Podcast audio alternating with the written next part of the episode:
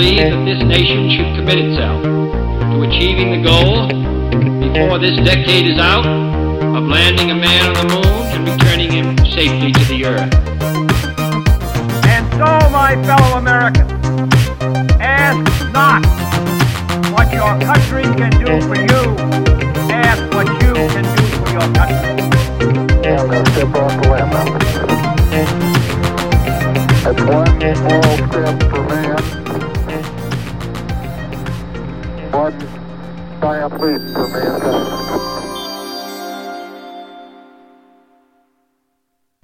har faktiskt mött ett eh, vildsvin en gång i skogen. De är totalt gigantiska. Och det är ingenting man vill eh, råka ut för. Jag var ute och promenerade med min hund. Mm. Mina hundar mm. på den tiden. Eh, och det som hände var att jag hade en liten hund, den är väldigt ettrig, Jack Russell, en jakthund. Han är inte rädd för någonting. Han springer efter älgar och allt möjligt. Och sen så har vi en, en, en annan som är en schäferblandning av eh, vallhund och sådär. och det som hände var att chefen, han springer då efter mig när jag ser de här vildsvinen komma liksom springande. Han springer efter mig. Medan den lilla hunden stannar kvar och skäller på vildsvinen. Totalt orädd. Trots att han väger liksom 5 kilo eller något sånt. Ja, nej så himla intressant. Men eh, det är väl egentligen dags att eh, hälsa alla välkomna Ja, får man säga. Eh, vi pratade just om att det är jaktsäsong. Hälsa alla välkomna till ännu ett avsnitt av eh, vår podcast som vi har valt att kalla för vadå? Framtidsministeriet.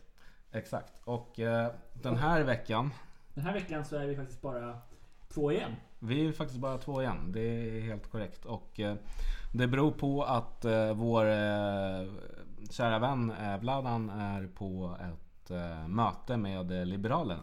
Liberalerna. Så han eh, Ja. får en liten eh, tandvarning här. Ja, precis. Samtidigt så är det ju bra reklam för Liberalerna i Täby att en av våra redaktionsmedlemmar då eh, prioriterar att gå på deras möte Absolut. framför att eh, delta i den här excellenta podden. Jo men de skulle prata om kulturpolitik. Så det, och det är lite, där är Vladan lite involverad i att ta fram den politiken i Täby. Så.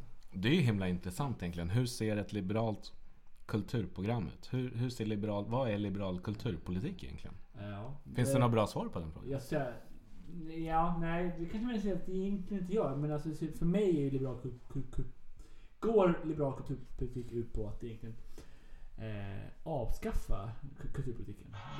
Det- Oj, nu ringde det där i Nu telefon. ringde, nu ringde, nu ringde Vladan faktiskt. Ja, var det väl Adam som ringde? Okej. Eh, Tjena Vladan! Tjena! Vi håller just på att spela in podden här så att, eh, du, är bara, du kan säga någonting om du vill. Ja, du är i livesändning. Eller en livesändning här. Det det. Eh, vad heter det? Nej, jag tänkte kolla. Tyvärr var vi tvungna att eh, klippa där för att eh, vi kom in på eh, interna angelägenheter. Men eh, Och eh, veckans tand får inte vara med för mycket i, i podden. ja, i alla fall inte om man inte är på plats. Men det var ändå roligt med det där oväntade gästinspelet och det här kanske är kul. Vi kanske skulle ha en sån här grej att folk kan ringa in till podden Ja, och säga saker.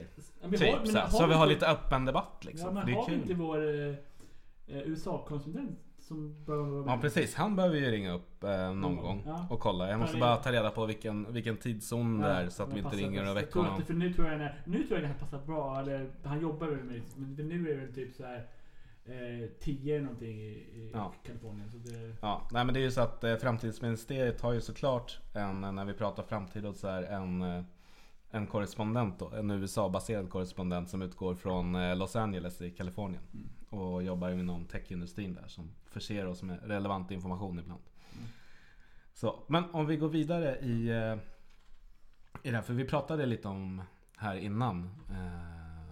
Eh, ja, vi pratade om bland annat ett liberalt kulturprogram. Ja, just det. och du var inne på att, att det går ut på alltså för mig, Avveckla Ja, för mig är grejer, det eller? avveckla. För att, eh, alltså, inte, om man tar Liberalerna som parti så gör ju inte alls. Då ska man ju helst eh, lägga pengar på allt möjligt. De verkar ju gilla kultur. Ja det eller, gör ja. tyvärr. Men eh, alltså jag, för mig är liberal kul- kulturpolitik att den, alltså det är som, Liberalerna tycker samma sak, att den, att den ska vara fri. Mm. Men för mig, för mig kan den inte vara fri och eh, oberoende om den får sponsring från staten. Så jag tycker Mm.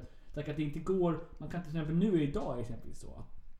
Mm. Eh, operabiljetter Mm. eh, blir sponsrade massa, av massa stater. Ja. Men rockkonserter och sånt, de får inga, Mm. det får man betala är massa, är massa, massa tusenlappar för att gå på. Det är Och sant. det är här, om man nu vill ha en fri kulturpolitik och det ska vara att staten inte ska lägga sig i vad som är bra kultur och vad som bör sponsring. Mm. Eh, då måste man antagligen ge pengar till allt. Vilket Mm. blir en enorm, Nej.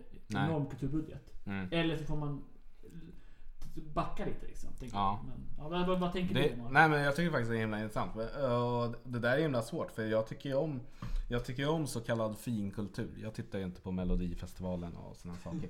Utan, men- men jag gillar ju att gå på Dramaten och Operan och jag är ju medlem i Moderna Museets eh, De har en vänförening där jag är medlem och går på lite vernissager. Så är det jag och 150 kvinnor i 75-årsåldern liksom. Men, men det är ungefär den målgruppen. Eh, men generellt så tycker jag, men jag gillar ju verkligen kultur, och aktiv kulturkonsument. Men det, fin- det ligger också någonting i det du säger. Varför ska en sjuksköterska i Säffle betala för någon Östermalmstants eh, Dramatenbesök? Alltså det är faktiskt en fullt relevant eh, fråga. Sen kan jag tycka att det på lokal nivå ändå är en annan fråga. För där, jag tror man får skilja på det statliga och lokala. Jag kan tycka att ja, men det finns en grej med att staten driver massa stora museer och så vidare.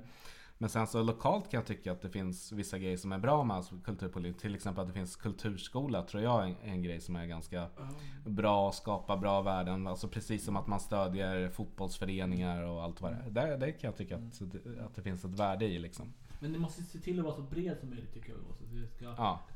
täcker så mycket som möjligt. Mm. Mm. Som idrottsskolan ska täcka så mycket som möjligt. Mm. Ska också kulturen göra liksom. Och, Mm. Jag kan hålla med just, just kulturskolan tycker jag. För det, Mm. det ingår lite i, i, i utbildningen. Ja, liksom. I, I den grundläggande. Ja. Här, som en liberal så tycker man ju att människan eh, föds som ett blankt blad. Eller, Mm. men, men ändå föds man lite med olika förutsättningar. Och därför är bildningen viktig för att människor Mm. ska Mm. hamna på en equal footing. Ja men jag tror det. För jag vet när jag var ung, jag gick och, och spelade fiol i typ Mm. flera år. Jag lärde mig spela gitarr via Kulturskolan. Spela gitarr i liksom nästan hela mitt liv nu.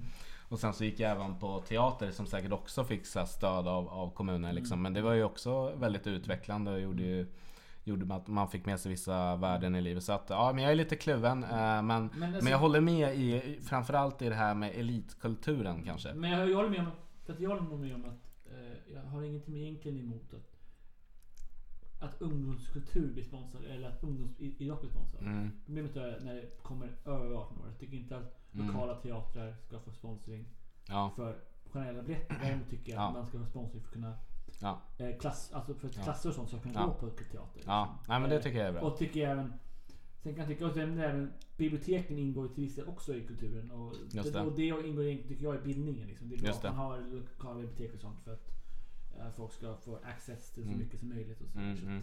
det- Men, men, men det ligger också nå- i någonting där du säger det här med, eh, liksom, med rockkonserter och Dramaten. Det är ju himla intressant egentligen. Ja, men jag tittade på Marilyn Manson för två, tre månader sedan eh, när han spelade i Stockholm. Och det är ju liksom, det är helt privat och en biljett kostar 600 kronor kanske där någonstans. Medan Mikael Persbrandt då, när han ska stå och apa sig på liksom scenen på Dramaten. Då, är det liksom, då ska staten in och sponsra och så vidare. Och så är det kanske 200 pers som går och ser det jämfört med Marilyn Manson som kanske drog en ja, 1000, 2000 personer kanske. Ja, nej så att eh, det är intressant det där faktiskt. Mm. Ja, absolut. Men eh, ja, kontentan är väl att eh, ja, ibland är det bra och ibland kanske det är mindre bra och man kanske behöver titta på och justera vissa saker. Det låter som att vi är klassiska folkpartister. Ja nästan, ja nästan så. Kluvet ja. liksom. Ja precis, det är väldigt kluvet. Ja faktiskt, det är sant. Det är sant. Ja. Men, ja, men, Men- ja. Har vi några andra grejer vi vill ta upp nu? Är, vi har ju pratat, eh, vi satt och elaborerade här lite innan. Mm. Och någonting eh, som du lyfte som jag tyckte faktiskt var bra. Det är ju att Alliansen har haft en, eh, en debattartikel på DN Debatt. Och det var ju faktiskt, nu när jag tänker på det, så är det faktiskt det är ju ett tag sedan de gjorde något form av gemensamt utspel överhuvudtaget. Om man tittar på hur tonläget i debatten har gått. Eh, Liberalerna gick väl där ut ett tag nästan och försökte vara lite så här fredsmäklare mellan Centerpartiet och Moderaterna och så här. Eh, att nu får ni liksom eh, lugna ner er lite ungefär. Så i migrationsfrågorna. Eh, men de har ju gått ut med en debattartikel eh, som jag skummade lite här innan. Och mitt intryck när jag läser den det är lite att så här att ja men Eh, vi i gamla alliansen och, och röstar ni på oss så kommer ni få ungefär samma politik som vi Mm. drev tidigare. Eh, Alltså, det, det, jag saknar att det inte finns någonting nytt. Så, men vad vill ni göra liksom? Nej, mitt intryck är mycket att eh, Alliansen... Att det... Att, artikeln det var skriven för att man har väldigt stark tro på Alliansen. och Att det, det är Alliansen mest för Alliansens skull. Inte så mycket för det de Mm. hade 2006 utan de bildades Mm. för de visionära idéerna kring arbetslinjen och liksom Mm, mm, kring mm. att eh, få bort sossedominansen Mm. på svensk politik. Här är mer att eh, man håller kvar vid samma hjulspår för att det gick bra. Mm, Eh, Och det är just därför man ska hålla Mm. kvar det. Inte för att man har några starka Mm. vi- visionär idé själv. Utan för att man, man vill hålla ihop och man tror Mm. att det är enda sättet att få bort eh, sossarna från makten. Liksom. Mm. Eh, så, Just det. Ja. Just det. Ja men det, det tror jag, jag tror det ligger mycket i det och, och jag tror också att det är lite, men de här åtta åren som vi hade då med eh, Fredrik Reinfeldt som eh, statsminister och det styret som var det. Jag tror att man inom den borgerliga sfären ser på det liksom som det goda framgångsexemplet när man faktiskt lyckades och sådär. Ehm, men jag tror att eh, man måste nog Jag tycker att alliansen idag framstår som mer spretig än vad den var 2006. För det kändes som att då hade man inför det valet hade man då pratat igenom mycket. Man hade ett färdigt gemensamt program och man höll inte på liksom och sprang i olika riktningar. För nu har de ju den här debattartikeln ute. För att visa på att ja, vi vill göra någonting ihop ungefär. Eh, men samtidigt har de ju liksom under ganska lång tid hållit på och, och, och tyckt väldigt olika i Viktiga ja, frågor. Migrations, ja, men men- migrationsfrågorna framförallt. Där. Ehm, så frågan är vad den här debattartikeln kommer leda till. Och jag tycker också en annan fråga som, som är kopplad till det här är att ehm, man kanske borde också titta på, eller det jag saknar, det är återigen, jag tror, jag tror inte att den här blockpolitiken är bra. Jag tror att det skulle vara bättre ifall man försökte på något sätt göra upp i olika Jo sakfrågor. men, absolut, men eh, och, eh, jag tänker ju att det är lite... Lite så att jag, det politiska landskapet ser helt annorlunda ut än vad det gjorde 2006 och Mm. 2010 innan Sverigedemokraterna kom in Mm. i riksdagen. Liksom. Eh, och det är därför, menar, om vi då pratar om det här med Galtan. Liksom, Mm, mm, att det. den konflikten är mycket tydlig. Den har ju funnits Mm. tidigare också, även Mm. 2006. Mm. Men den är mycket tydligare idag och mycket mer så vilket, vilket, den, då den konflikten Mm. eh, går rakt igenom mellan liberaler och konservativa. Liksom. Mm. Men samtidigt som den ekonomiska konfliktlinjen också finns kvar. För det finns, Ja, det, det finns konflikter där också med skatter och sånt. Mm. och, det, och den går mellan, mellan Mm. de liberala socialisterna och konservativa liberaler. Liksom. Så det, det finns det där också.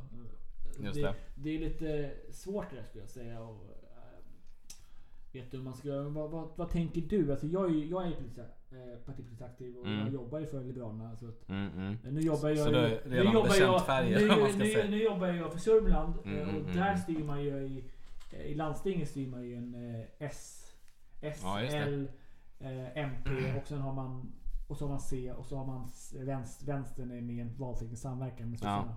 Eh, så då styr de sådär liksom.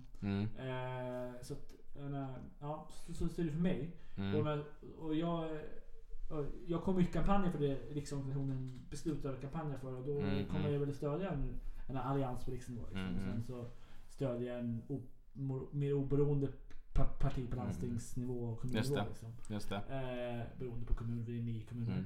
Mm. Eh, men vad tänker du så här? Eh, vad är din form av vad skulle det vara din bästa regering efter, eh, efter valet? Liksom? Om, du, om du tänker utifrån vad- du tror kommer vara resulta- resultatet. Mm. Eh, vad tänker du? Oj, det var ju en himla bra fråga. Ehm, men, eh, ja, men för det första tror jag att eh, jag skulle nog gärna se, jag vill nog gärna se en mittenregering. Jag skulle vilja för det första skulle jag vilja bryta upp blockpolitiken för jag tror inte att den är bra. För att jag tror att den, den tar mer fokus Den tar bort fokus från idéer för att utveckla samhället och lägger fokuset på liksom vilka ska styra och hur ska de styra? Och, och det är viktiga frågor också. Men det viktiga måste ändå vara vad är det man vill uträtta? Ehm, och där tänker jag att nej, men i, i det bästa scenariot så hade blockpolitiken brutits upp. Och så hade man fått en, antingen troligtvis då moderatledd eller, eller socialdemokratisk eh, regering. Eh, men en sån regering skulle jag vilja bestod av den politiska mitten. Alltså typ Centerpartiet, Liberalerna och eventuellt Miljöpartiet. Alltså. Så de som, de som ligger i den här, det som vi kallar för GAL, alltså gröna, alternativa och liberala inriktningar. Och sen ska det då bestå av antagligen sossarna eller moderaterna. Ja, precis. Och jag tror att eh, egentligen, alltså, när jag tänker på de här två partierna så tycker jag att det finns det finns väldigt mycket likheter även om det också finns väldigt mycket skillnader. Så här. Men, men ta till exempel Mikael Damberg som jag tycker är en ja, men duktig, skicklig politiker. Och, ja, nu är han näringsminister. Jag tycker han gör bra grejer som näringsminister och, och så här. Eh, men samtidigt inom, inom Socialdemokraterna är väl han också en en företrädare som ligger ganska långt högerut i, inom det partiet. Eh, och jag tror att Mikael Damberg precis som typ um, Reinfeldt och den liksom. För det finns ju också en grupp tycker jag inom Moderaterna som är ganska som är ganska liberala. Alltså, Som ligger mer åt, ja, till vänster inom Moderaterna får det bli då. Ehm, Nej men jag, jag skulle gärna se att de här eh, krafterna som är väldigt liberalt orienterade inom olika partier eh, att de samlade sig på något sätt. Men det- det är ju lite, det är det som är lite knepigt i svensk politik. Att vi har det här Antingen är det väldigt rött eller så är det väldigt blått. Och det här eh, som finns däremellan, alltså det gröna eh, och liberala eh, perspektiven. De kommer liksom alltid liksom lite vid sidan av. De blir liksom aldrig huvudfokus. Och det är lite synd tycker jag. Faktiskt. Men eh, efter, efter det här valet så tror jag att eh, jag tror faktiskt att den regeringen vi har idag kommer att sitta kvar. För jag tror att Alliansen inte har samlat ihop sig tillräckligt mycket.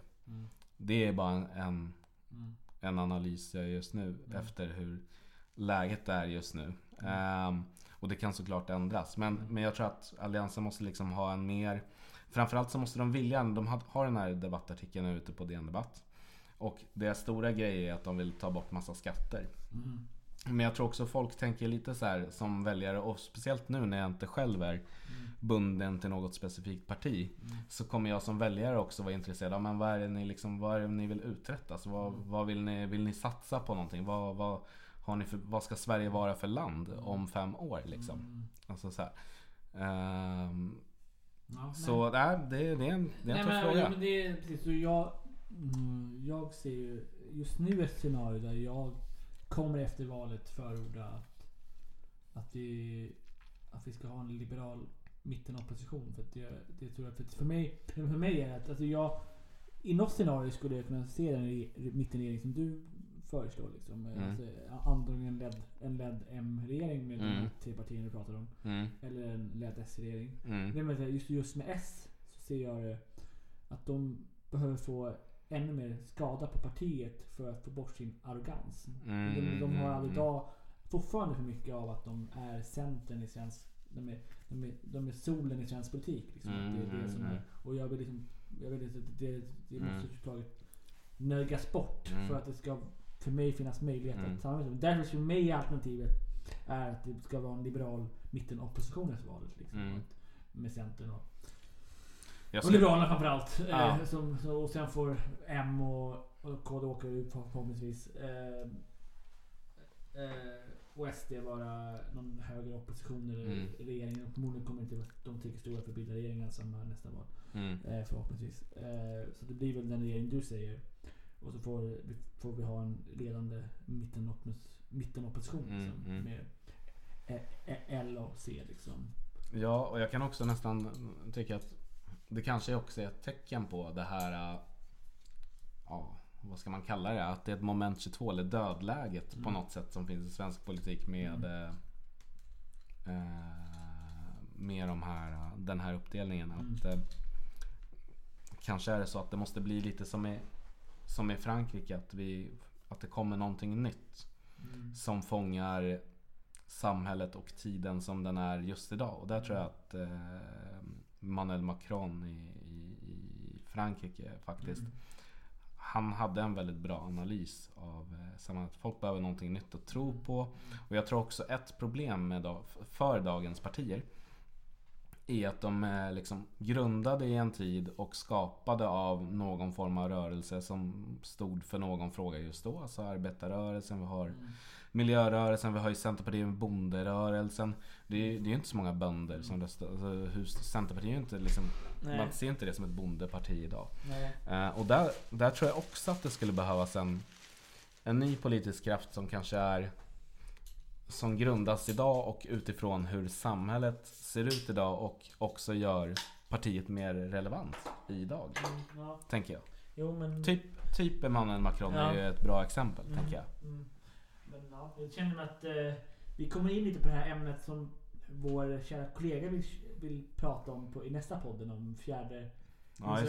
Att du pratar just att, att du säger att de parti, många partier som bildades kommer Mm. ifrån in, och, men vi lever i en I en annan tid. i, Ja, i, i en fjärde Ja. industriell Den kommer vi, Ja. Det kommer vi återkomma till. eh, Ja, i- men, i men jag, jag tror att kopplat till den här diskussionen också så tror jag att Sverigedemokraterna är nog ett exempel på ett parti som ändå har liksom bildats i den tid vi lever delvis. Även om de har funnits ett tag och sådär och sen 90-talet och så.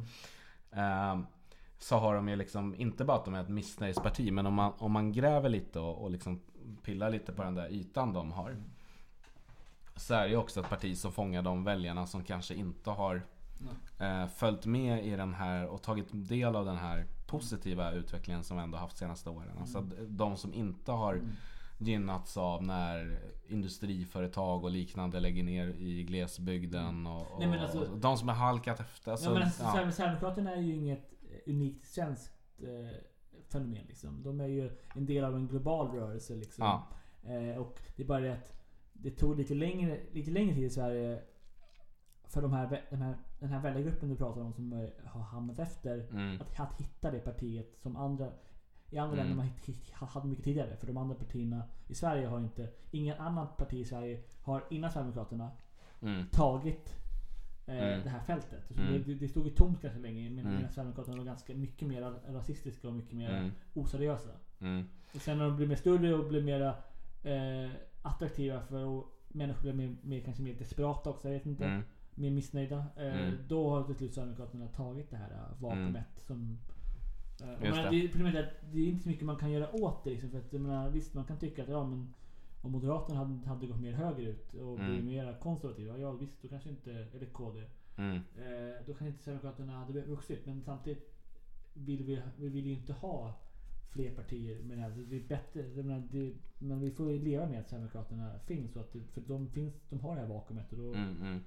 och så länge det här vakuumet, så länge, så länge den här väljargruppen finns så kommer vi ha något form av parti som har de här åsikterna. Även Ja, om det är. Sverigedemokraterna eller, så eller om det är ett höger ett, ett kons, kons, konservativt Moderaterna så kommer det Mm. fortfarande vara ett parti som håller de här väldigt mörka åsikterna. Liksom. Just det. Eh, Just det. Nej, men jag tycker också det är intressant att Sverigedemokraterna de växte ju rätt rejält efter 2000, mellan 2006 och 2010 för det var då de kom in i riksdagen. Och där har jag tänkt lite så att ja, men innan 2006 så hade vi ett ganska så här generöst bidragssystem och vi hade ganska mycket Ja men det var, det var ganska lätt att leva på SOS och liksom sådana här grejer. Det var, det var inte så hårda kontroller som det kanske blev 2006. Och jag kan tänka mig att som en effekt av att man kanske drog åt de här bidragen, kanske, ibland kanske lite väl hårt. eh, Framförallt inom det som hände med Försäkringskassan och de här bitarna. I och med att man gick på ganska hårt där. Kan jag tänka mig att den här väljargruppen då, som kanske tidigare hade röstat på Socialdemokraterna framförallt då. Eh, att de kände att de hamnade lite i kläm och eh, att eh, samtidigt var det ju väldigt turbulent inom S på den här tiden. För vi hade ju Mona Sahlin som inte direkt var någon hjälte för Socialdemokraterna och inte heller inte Juholt som, som, man knappt, eh, som knappt nämns längre. Eh, och då kom eh, eh, Sverigedemokraterna som också har en ganska karismatisk eh, partiledare som jag tror när folk lyssnar på honom att han eh, Jag tror att ha- han pratar på ett sätt som gör att människor tar till sig det för att de känner igen sig i det. Och det han, han, han, pratar, och han pratar ju väldigt mycket med han har ju väldigt mycket känslor i det han säger och politik är ju lite av en känslosport också. men så är det. Så ja. Menar, det, jag skulle säga att det, det jag har lärt mig mycket nu under februari här när jag har haft massa konferenser inom partiet. Mm. Är ju att eh, nej, det är, det är en känslosport. Det är det enda det är. Så här, Mm. Alla val som vi gör avgörs av amygdalan. Amygdalan. Alltså i vår hjärna. Det, Mhm. alltså, det, ingenting är rationellt egentligen. Vi, vi, kan, vi försöker rationalisera våra, våra Mm. beslut.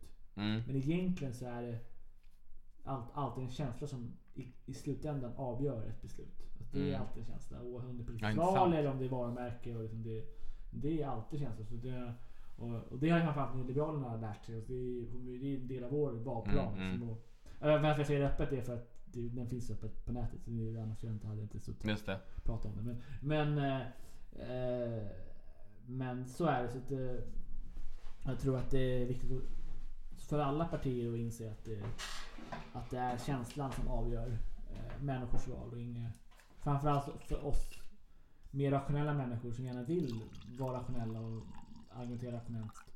Så är det, när vi, om vi vill övertyga andra så är det, är det utifrån att folk litar på oss och känner att vi har rätt. Liksom, och inte att eh, vi, vi har fakta rätt. Utan att det, det, det känns rätt.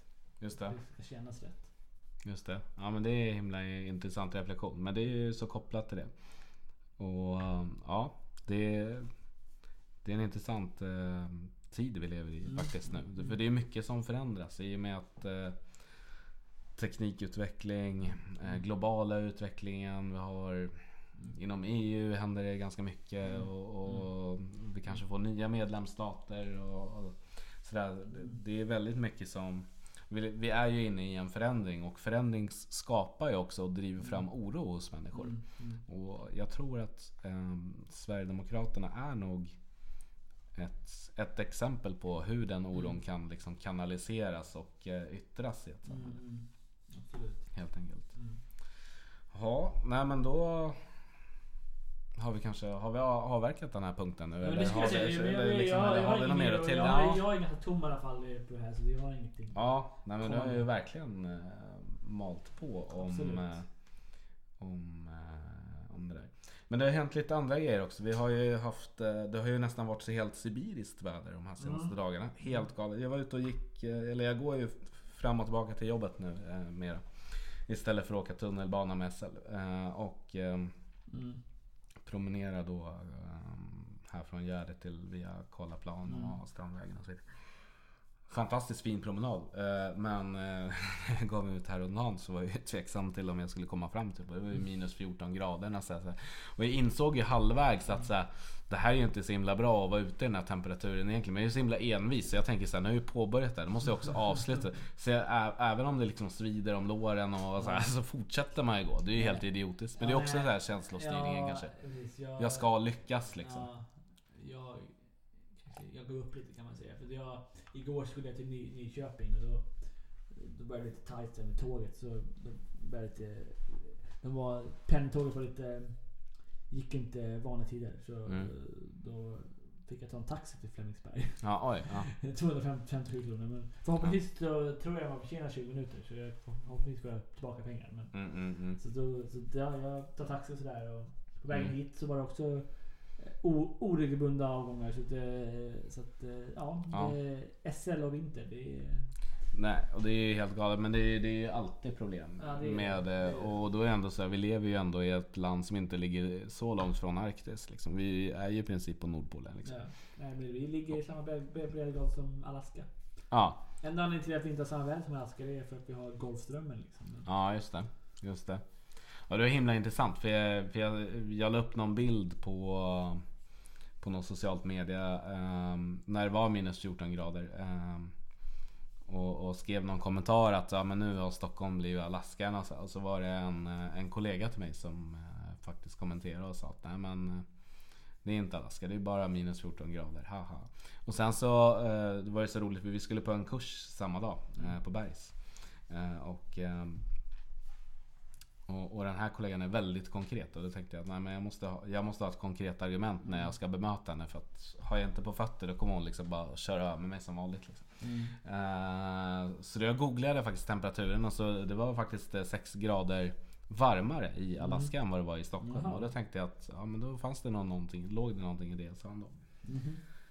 Så. Men, men äh, angående det här med SL eh, och eh, vintern. Det är helt hopplöst. Det är alltid problem. Att, att, att, det har varit problem är en sak. Och sen så köpte de ju nya pendeltåg för inte så länge sedan. Mm. Vad kan de ha funnits? 6-7 år där någonstans. Eh, Och det är ändå alltid problem med SL. Mm. Det är bara problem. Eh, så att det, ja, nej man kommer ju aldrig fram. Han gör ju inte det. Nej. Men Det- ja, det verkar ju inte liksom, nu har jag haft både rött och blått eh, landsting. Det verkar ju liksom inte bero på landstingsmajoritet heller. Utan det verkar ju Nej, bara det vara... är bara, bara, det är bara bara tåg liksom. Eh, sådär, så att, eh, ja, jag vet inte. Men det, det verkar inte som att vi... Det går att läsa här nere. Jag vet inte. Vi måste bara köpa in andra tåg tror jag. Men Ja, nej, Sibiriska verkligen. tåg. Ja men lite så, Eh, typ ryska tåg. Ja, eh, Som exakt. går i alla väder. Ja, mm. Mm. Ja, någonting annat som har varit på tapeten senaste tiden. Det, är ju, det råder ju hemlighetsmakeri. Skriver DN. Eh, gällande den här eh, kampanjen som UD då har haft. Eh, För att Sverige ska gå, sitta med i FNs säkerhetsråd. Och då funderar jag så här, men varför lägger regeringen så mycket krut på att vi ska vara med i FNs säkerhetsråd? För det är ju, lyckas FNs säkerhetsråd för det första någonsin med att uträtta någonting? Det är, det är ju alltid liksom att eh, man lägger fram ett förslag och sen så lägger Ryssland eller USA in sitt veto och, och sen så är det kört. Alltså fungerar FN ens som organisation? Fungerar. Alltså. eh, Jag skulle säga att den, den fungerar eh, till det den är tänkt att fungera som. Som en medlare i världen liksom. Men, Mm. eh, alltså den, den har aldrig riktigt fungerat för att vara actionorganisation. Liksom. Alltså, Nej. se till att- Nej, för de får ju inte saker gjorda på det sättet. Nej, men alltså, det är mer att det här att, att, att vi måste ha någon form av arena där. Mm. Jo, de onda och de goda möts liksom. Och därför måste... Och därför, där, därför, där, det finns många Mm. även liberaler som väcker förslag om att man ska avskaffa vetorätten och sånt. Och, sådär. mm. och visst, det hade väl varit bra. Men Mm. samtidigt så problemet då, då kommer de här länderna som Ryssland och Kina, de kommer ju lämna FN. Mm, Och då, är och då, och då förlorar ju vi poängen med den. Och då, då har vi ändå en massa ro- ro- rogue states som inte kommer lyssna i alla fall och ha Mm. en ganska stor militär. Så man kommer inte göra, göra, göra, göra någonting åt dem i alla fall. Liksom. Nej. Så Nej. eh, det är problemet. Mm. Att, att, men jag tycker man, som Mattias Sundin, eh, riksdagsledamot för Liberalerna, eh, har föreslagit massa gånger att man ska ha ett demok demokratiernas förbund. Men man kan fortfarande Mm. ha kvar FN, men man kan ha ett demokratiskt förbund också. Ja, just det. Demokratierna samlas och liksom Just det. verkligen har Det är ju faktiskt en väldigt bra idé. mer handlingskraft. Ja, liksom. verkligen. Medan FN kan vara vara det här med dialogorganet. och Liksom, För det är himla statiskt alltså. Det känns ju mer som ett forum snarare än det det. något Och- som får något det gjort. funkar det kanske är bra. Det Vissa saker funkar, ja. det här med bistånd och sånt funkar. Mm. Där får vissa har det som korruption också. Men det har ju Mm. generellt sett funkat med bistånd och sånt. Att pengar går till UNIF och liksom Mm. även världsfond, världsarvsfonden och sådär. liksom. Så det, så det, en del av FN funkar och som funkar hyfsat okej. liksom. Just det. Men det är de här mera grejerna som mer syns i media som inte riktigt eh, funkar skulle jag säga. Just det. Eh, en annan spännande grej som... Eh, eller spännande. Ja men faktiskt spännande. Men in, och, och det är lite innan vi kommer in på nästa ämne. För nästa ämne är ju de här skolskjutningarna som har varit i USA, i Florida. Men någonting som är lite roligt så här när vi ändå vi pratar om kylan. Eh, och, och det är kopplat till eh, vinter-OS i Mm. Pyeongchang. Inte Pyongyang utan Pyeongchang.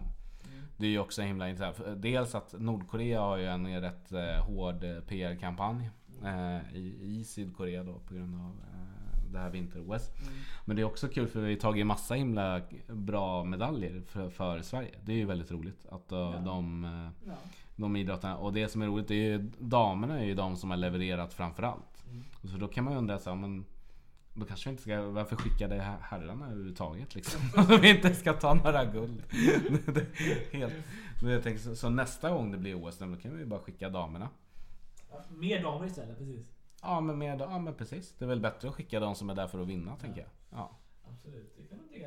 Ja, absolut. Eller? Jag har ju knappt eh, kollat på OS. Mm. Apropå den diskussionen vi hade om så här, idrott. För det, det vore ju intressant om man då kopplade idrott, alltså bidragen till de olika sporterna och sådär. Beroende på hur de presterar i olika internationella tävlingar. Så Nu vinner vill inte VM så... pengar till eh, vuxen, vuxenidrotten. utan Pengarna ska ju gå till ungdomsidrotten. Men man skulle ju kunna... Nej, alltså, nej, jag tycker nog man ska ge likgiltigt till alla ungdomar oavsett vilken idrott Ja, de det kanske är sant. Ja. Eh, Men kanske inte ungdomar med de här, här, här men jag tycker inte att man ska ge pengar till dem. Så, Nej, okej. ja. jag tycker man bara- Nej, jag tycker man kan ge det till, pengar till de som vinner. För det är bra för Sverige liksom. Men om de inte vinner, ja då behöver de inte få så mycket pengar. Få Ja, men till, nej men till exempel i fotboll liksom. Vi, vi, det händer ju aldrig något spännande för Sverige i fotbolls-VM. Det är ju liksom... Vi är VM. Ja vi är med ja, men Det- det- det- Vi kommer ju vara med en var- eller två matcher Det var, det var typ åt, åtta år sedan jag var med senast tror jag. Ja okej, ja i och för sig det är ändå en fram- Men det tror jag beror på att de tog bort Zlatan så, så att alla andra spelare fick ett självförtroende och bara okej nu, nu är han borta då kanske jag Tyvärr- vågar visa tyvärr är upp mig lite. Det är tyvärr, tyvärr. Vi skulle tyvärr vi skulle haft mer, fler Zlatan i- landslaget. Så, ja. Inte, inte fler Zlatan men, jo, men fler, alltså fler världsspelare i landslaget. För då hade det funkat. Men nu var det en världsspelare och så var det massa medel. Ja, men dels det men också att, eh, ehm, att medias fokus låg ju hela tiden på Zlatan. Det är Zlatan som är hjälte, det är han som ska rädda Sverige, det är han som ska göra det. Zlatan ska göra allting, men då glömmer man ju bort att fotboll är ju en lagsport. Ja, liksom. så. Mm. Så, så jag kan tänka mig att eh, landslaget faktiskt har eh, fått en positiv eh, utveckling nu. När deras hjälte, in, eller vad man nu ska kalla honom, eh, inte är med. För jag tror att då vågar de andra ta för sig lite mer och, och, och, och ta lite chanser och sådär. Mm, mm, mm. Ja. I alla fall, vi går vidare. Eh, Skolskjutningarna i USA. Det, det som hände var att det var en, en person som gick in då med en så här AR-15 vilket är då ett så automatgevär. Som det heter. Eh, och eh, sköt massa ungdomar på en skola. Mm. Eh, och det får man inte göra. Så det måste, därför måste vi diskutera. Nej men det får man ju inte. Eh, och det är väldigt dumt på må- många olika sätt. Eh, och, ytterst, eh, Olle, nu låter jag väldigt kylig men, men eh, det jag menar är att man får inte göra det här. Men problemet är ju att det här händer ju hela tiden i USA. Att det, dels på skolor. Sen så tyckte jag blev väldigt illa berörd av det här som hände förra året med den här galningen som var, hade så här 17 vapen och så här, eh, monterade i ett hotellrum i Las Vegas och sköt 60 pers liksom. Det är ju helt vansinnigt. Ja. Och jag har faktiskt svårt att förstå de amerikanska vapenlagarna. Särskilt det här med att men vad ska du ha ett automatgevär till liksom? Som skjuter 100 skott i minuten. Det är ju livsfarligt alltså. Men nu har ju en riktig debatt växt i USA. Mm. Skulle jag säga. Det känns som det. För Nu har ju till och med de här drabbade ungdomarna gått ut på gatorna och verkligen Ja. eh, gått ut och eh, de har no bullshit och allting sådär som har gått wild, wi- wild Viralt. viralt. Ja precis.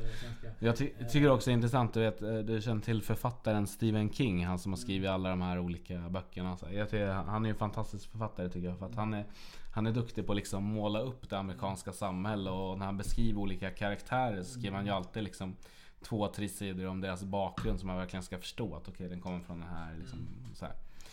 Eh, Och jag följer faktiskt honom på Twitter. eh, Och han skrev någonting om att NRA, han är ju väldigt samhällskritisk generellt då. Eh, Men han skriver då NRA som då är den här amerikanska vapenlobbyn. National Rifle Association. Ja men precis. Eh, Att deras tänk var lite så men det, det är bara ungdomar.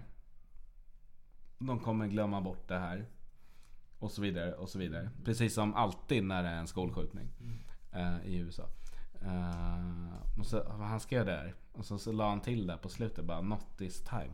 Och jag tycker det låg någonting i det. För att det känns som att någonting har ju ändå väckts i USA. Och även deras tidigare president Barack Obama gick ut och, och skrev någonting som jag tolkar som ett stöd för. Han var ju inte så partipolitisk men han, han sa ju ungefär så att um, det är bra att unga engagerar sig i viktiga och samtida frågor. Alltså, så, här, så han nämnde ju inte det specifikt skjutningen men det var ju så uppenbart att det var det han syftade på. Vad tycker du om de här vapnen? Nej, eh, alltså men, ja.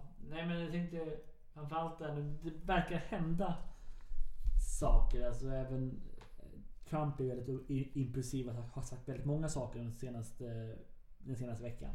Mm. Han har sagt allt, allt ifrån...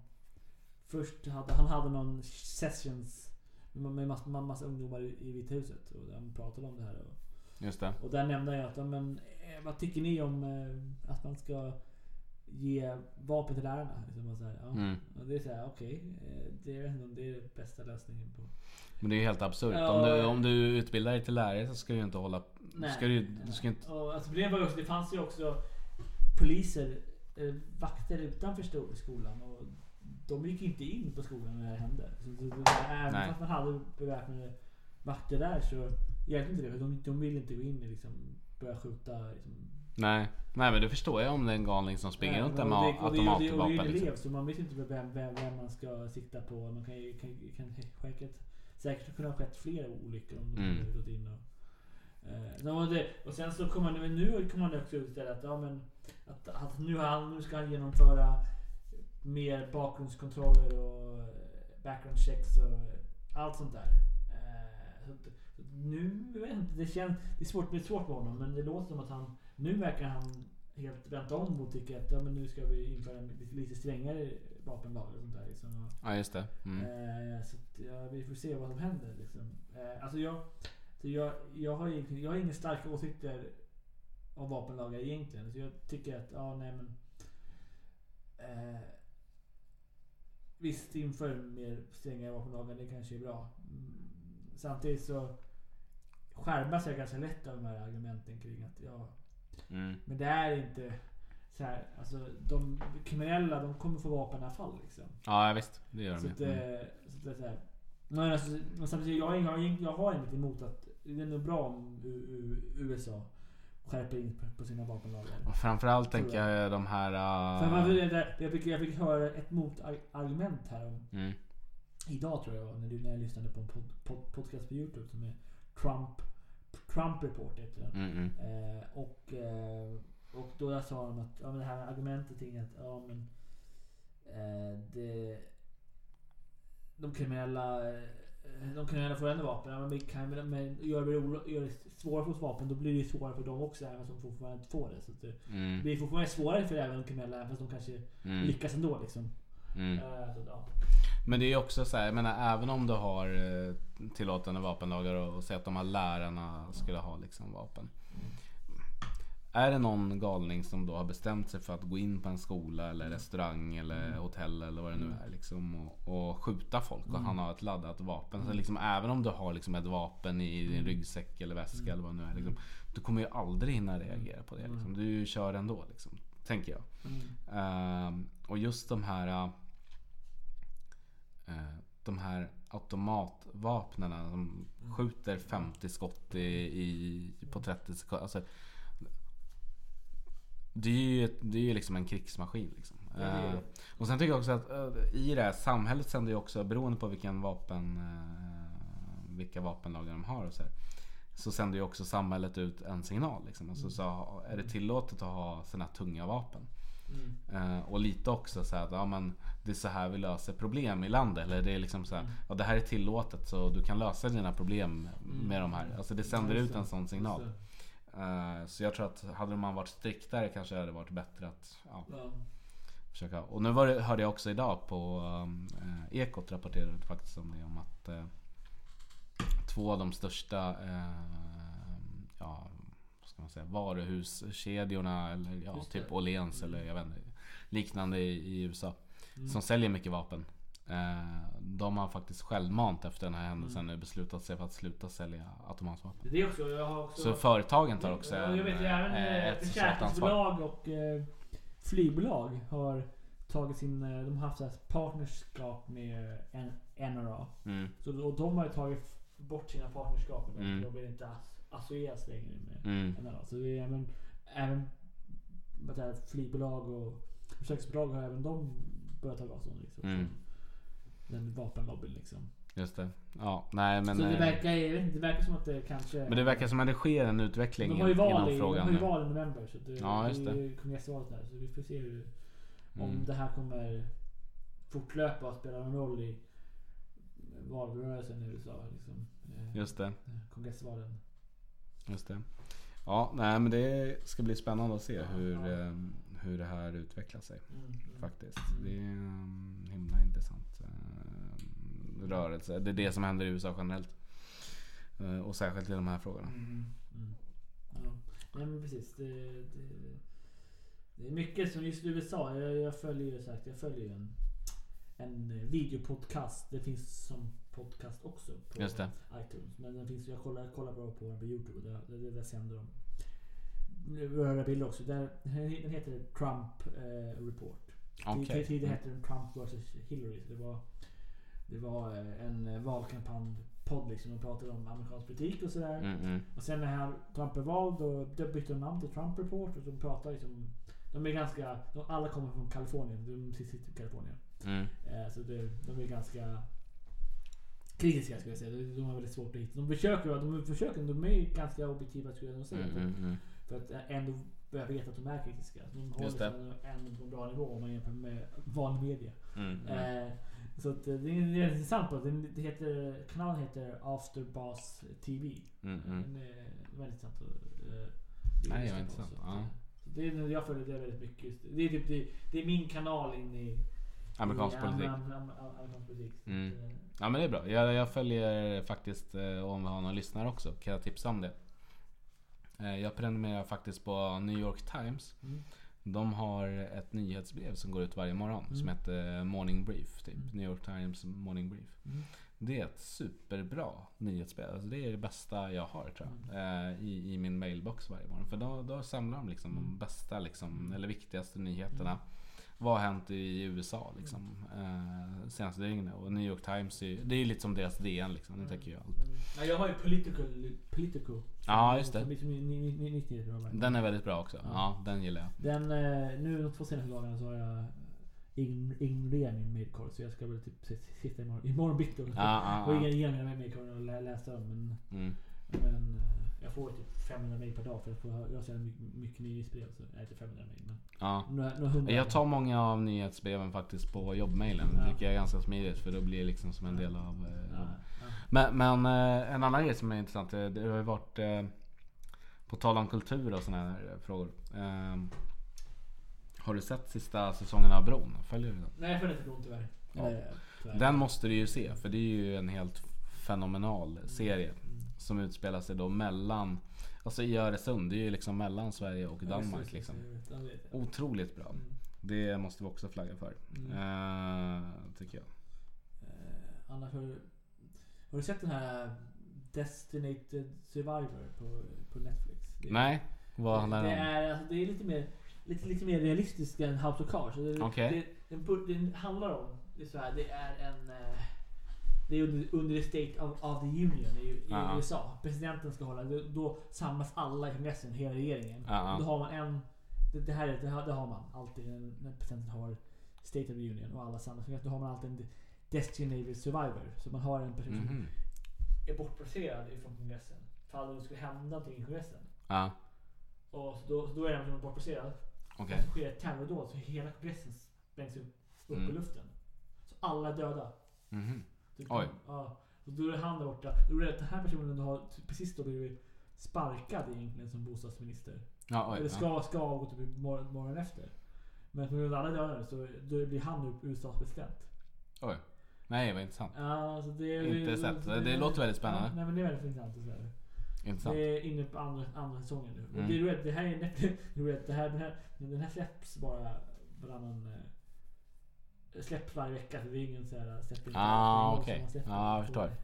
Nej, vad intressant. Ja, men det måste jag kolla upp. Ja. En annan bra serie som jag såg på Netflix, det är ju den här The, The Americans. Som Mm. jag fastnade stenhårt för. Det handlar ju då om... Eh, det utspelar sig på eh, tid, ja, mitten av 80-talet. Mm. Eh, och det handlade om två ryska KGB-agenter som lever under en täckmantel i USA. Mm. Och då lever då ett till synes vanligt amerikanskt eh, medelklassliv. Mm. Och eh, blir då grannar med en FBI-agent. Mm. Vilket är, ja, den var helt, helt briljant apropå Netflix. Mm. Mm. Ja, när man... eh, jag var faktiskt på Moderna i helgen. Mm. De har en väldigt bra utställning nu. Eh, som heter Concrete Matters. Alltså ehm, eh, betong spelar roll. Och som tar sin utveckling i, och det här det kan man väl nästan se som någon slags kulturspaning. Men det är en väldigt bra utställning för den tar sin utgångspunkt i utvecklingen i Latinamerika, typ Venezuela och, och lite Argentina och även eh, ja, lite andra länder. Eh, Peru och Uruguay och så vidare. Mellan 1930 och 1970-talet. Och då var ju, det var ju en period när det var extremt många militärdiktaturer i, i Sydamerika. Eh, och flera av länderna är ju Ja, de har ju ett problem med demokratin efter den här tiden. För att eh, de här militärdiktaturerna de eh, fostrade en så ganska halv, eh, halv okej syn på demokrati. Som fortfarande spökar lite. Eh, men det var en himla bra utställning. Så den kan vi verkligen uppmana våra lyssnare att eh, gå och titta på. Om de är intresserade av eh, modern konst. Mm. Kul, kul. Ja, Ja. Det, är inte riktigt min grej men... eh, nej. Nej, men ja. Nej, det är bra. Om de, lyssnar gillar det så... Ja men precis, vi måste ju ha lite variation. Precis, precis. Bra! Men ja, har vi något mer eller? Har vi... Har vi avverkat alla ämnen vi har snackat Ja, det i? känns som det. Har ett tag nu. Ja, snackat ett tag nu. Okej. Ja. Nej men eh, jag tror inte det. Alltså, Kanske är det dags att börja avrunda för nu. Och sen så ska vi ju enligt plan då spela in någonting på lördag också. Mm. Och då har vi ju vår eh, basinkomstvän med oss, Vladan. Precis. Eh, som också är veckans Tanner som han inte kommer till podden. Nej, han hänger med eh, Folkpartister. liberaler. Ja, folkpartister. ja.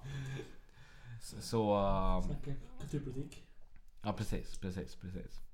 Så, och det är ju intressant apropå att vi diskuterar kulturpolitik för det vi ägnar oss åt just nu det är ju egentligen kulturskapande. Det här är ju också alltså, kulturskapande. Visste du att journalister räknas som kulturarbetare? Jo men det, är nog, det, det visste jag nog någonstans. Mm. Nog- Vilket är rätt intressant med tanke på att egentligen så jobbar de ju med liksom att granska makt och grejer. Så de de borde ju hamna i kategorin samhällsvetare egentligen. Jo. Men det är en annan fråga. Vi behöver bara en blandning för att vissa sysslar med mer med Ja. kultur och sånt och med andra ganska. Det kanske är bara för att jag är journalist från början som jag, som jag tänk, s- vill hamna i samhällsvetarfacket. Ja. Men eh, det kan vara gött att vara kulturarbetare Ja, också. Mm. Eh, Ja. Men eh, ska vi avrunda eller? Jag tycker ändå att vi vi göra. har sagt det Ja, vettigaste. Jag upplever inte Ska jag. vi avrunda med en skål eller? Ja det tycker jag. Skål! Skål! Och det är roligt för jag skålar i rödvin och du eh, skålar i Lef, Leffe. Lef Blond som Lef då är en, en belgisk öl. Mm. Vilket är väldigt roligt för jag vet ju att du är väldigt Europavän och, Ja. och sådär. Så, så att det är ju Bryssel, väldigt det, kul. det, det. Jag, jag måste ju stödja kärnan i EU liksom. Så att... Eh, Och jag dricker då argentinskt Malbec. så- Det är ju väldigt roligt. Patriotisk. Vi kan ju göra massa reklam för alkohol för att reta, reta gallfeber på sådana här folkhälsoivrare. Fascister. Liksom. Ja men precis. Eh, men, Så jag ja, hoppas vi inte har några lyssnare från typ systembolag. Nej, jag tror inte de attraheras av... av- Framtidsmuseet låter inte som deras... eh, Nej, det här med kupongsystem och köer tror jag inte Nej, är riktigt framtidsministeriets målgrupp. Ja, men den här, är- den är faktiskt riktigt, den här, tycker jag. Ja. Jag gillar den väldigt eh, Ja. söt. Och det är ju roligt också med, med framtidsministeriet. Vi har den här lite... Jag vet inte, men det känns som att man går på en sån här grönliberal... Eh, ja, trevlig hangout på Ja, något absolut, sätt. Och så, absolut. så studsar massa olika frågor och debatter och ämnen upp och sådär. Och ibland tycker vi lika och ibland tycker vi inte alls lika. Och det är ju spännande. Men eh, ja, men med det sagt så säger väl... ehm, Ja, Ja, då är det bara att säga finito för ikväll liksom. Yes, så Ja. ses vi på lördag. Det gör vi. Ha det gott. Ha det gott allihopa. Bye bye. Bye bye. I believe that this nation should commit itself to achieving the goal before this decade is out of landing a man on the moon and returning him safely to the earth. And so, my fellow Americans, ask not what your country can do for you, ask what you can do for your country. Yeah, I'm going to step off the limb. That's one small step for man, one giant leap.